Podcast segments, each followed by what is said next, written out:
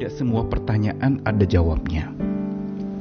Segala pergumulan-pergumulan manusia di dalam hidup ini yang tidak tahu ujung pangkalnya dan bagaimana jalan keluarnya, menyisakan pertanyaan: mengapa demikian? Mengapa peristiwa itu terjadi menimpaku? Dan pertanyaan-pertanyaan ini terus menyertai manusia sepanjang abad dalam setiap pergumulan-pergumulan yang mereka jalani. Itulah yang disebut dengan misteri dan teka-teki. Misteri sesuatu yang mengandung rahasia. Dari kata mysterion dalam bahasa Yunani yang artinya adalah memang sesuatu yang belum tersingkapkan. Sesuatu yang tersembunyi. Begitu pula teka-teki, sesuatu yang menyisakan pertanyaan mengapa itu terjadi. Dan teka-teki juga ada kalanya bahkan banyak kali kita tidak temukan jawabannya. Di dalam hidup manusia yang serba sementara, sering kali kita mendapati tidak semuanya ada jawabnya. Tapi kenapa diizinkan oleh Tuhan untuk pertanyaan-pertanyaan hidup manusia tidak berjawab? Bahkan Tuhan sering kali tidak menjawab. Tujuannya adalah untuk supaya seseorang tetap berharap walaupun pertanyaan hidupnya tidak berjawab jawab. Saya Nikolas Kurniawan menemani di dalam Sabda Tuhan. Hari ini dari bilangan pasal 12, ayat yang ke-6 sampai yang ke-8, demikianlah Sabda Tuhan. Lalu berfirmanlah Tuhan, dengarkanlah firmanku ini. Jika di antara kamu ada seorang nabi, maka aku Tuhan menyatakan diriku kepadanya dalam penglihatan Aku berbicara dengan dia dalam mimpi. Bukan demikian hambaku Musa, seorang yang setia dalam segenap rumahku. Berhadap-hadapan aku berbicara dengan dia, terus terang, bukan dengan teka-teki, dan ia memandang rupa Tuhan. Mengapa kamu tidak takut mengatai hambaku Musa? Tuhan berbicara kali ini di dalam bilangan pasal 12 tadi kepada Musa tentu saja secara khusus untuk membela Musa di hadapan Miriam dan Harun, kakak-kakak Musa, saudara kandung Musa, yang justru mereka mempertanyakan mengapa Tuhan berbicara hanya kepada Musa dan bukan kepada mereka. Dan Musa memang tidak menjawab karena Musa tidak tahu jawabannya. Tetapi Tuhan yang langsung menjawab, membela Musa. Dengan mengatakan bahwa di antara semua nabi yang ada, Tuhan menyatakan diri secara khusus kepada Musa. Tidak dalam mimpi atau penglihatan, tetapi justru berbicara terus terang, bukan dengan teka-teki dan memandang rupa Tuhan berarti berhadapan muka. Di dalam kitab lain yaitu di Keluaran pasal 33 memang dikatakan Tuhan berbicara kepada Musa dengan berhadapan muka seperti seorang berbicara kepada temannya. Ini tercatat di dalam kitab suci.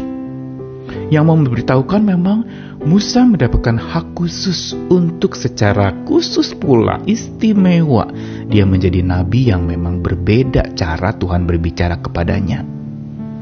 Yaitu Tuhan membuka apa adanya tanpa perumpamaan, tanpa teka-teki secara gamblang dan belak-belakan. Mereka berbicara seperti antara teman. Kenapa ini terjadi?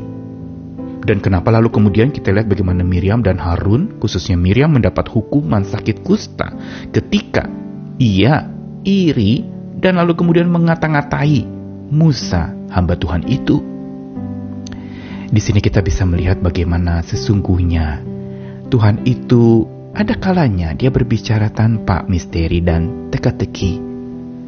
Dia buka, dia ungkapkan secara khusus kepada orang-orang yang khusus. Dan pertanyaannya kenapa Musa?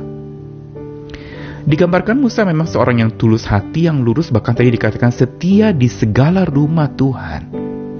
Dia adalah sosok yang boleh dikatakan kitab suci mencatat lagi bahwa Musa adalah sosok yang paling lembut hatinya di dunia ini Inilah modal yang membuat lalu kemudian seseorang bisa memahami misteri dan teka-teki Tuhan dan Tuhan berani bicara secara gamblang, membuka dirinya bicara hadap-hadapan seperti dengan sahabat. Itu terjadi dalam hubungan Tuhan dengan Musa. Dan di sini kita mau belajar tentang satu hal yang penting. Bahwa memang di dalam kehidupan kita ada misteri dan teka-teki sama seperti Musa juga tidak tahu jawabnya bahkan ketika dia mau dipanggil menjadi seorang pemimpin untuk membawa Israel keluar dari tanah Mesir dari perbudakan itu. Dia bahkan menolak. Perhatikan kelembutan hatinya. Dia bahkan mengatakan bahwa jangan saya deh orang lain saja. Musa bukan sosok yang begitu ambisius ingin jadi pemimpin. Dia tahu bahkan memang dia tidak tahu semua hal yang ada di dalam hidup. Ada hal yang dia memang tidak tahu. Dia sampai bertanya, Tuhan nanti kalau ditanyakan namamu siapa, aku jawab apa? Dan di sinilah kita melihat bagaimana Musa yang setia, lembut hati, tulus hati itu sungguh memiliki kekuatan yang luar biasa. Yang lewat itu Tuhan justru berbicara tanpa misteri, tanpa teka-teki. Dia buka semuanya kepada Musa.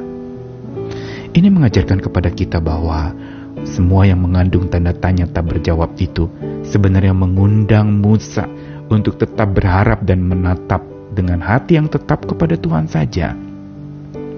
Dia tahu Musa sangat mengerti bahwa yang sanggup menyingkapkan segala rahasia itu hanyalah Allahnya.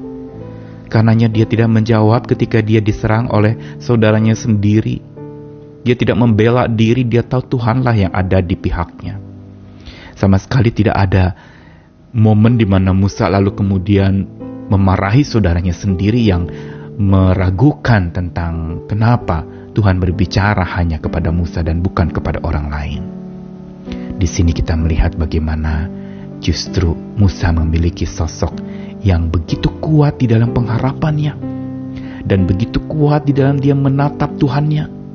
Dia memandang segala sesuatunya kepada Tuhan bersama dengan Tuhan dan oleh pandangan Tuhan dia menghadapi pergumulan yang memang tidak mudah, dia pun pernah jatuh.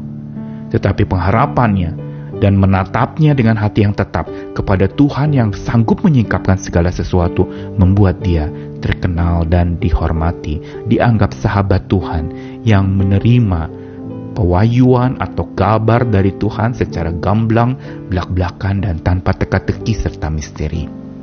Karenanya hari ini pada saat di mana kita bertanya-tanya mengapa begini, mengapa begitu, sebenarnya itu Tuhan izinkan untuk supaya apa? Bukan kita dapatkan jawaban.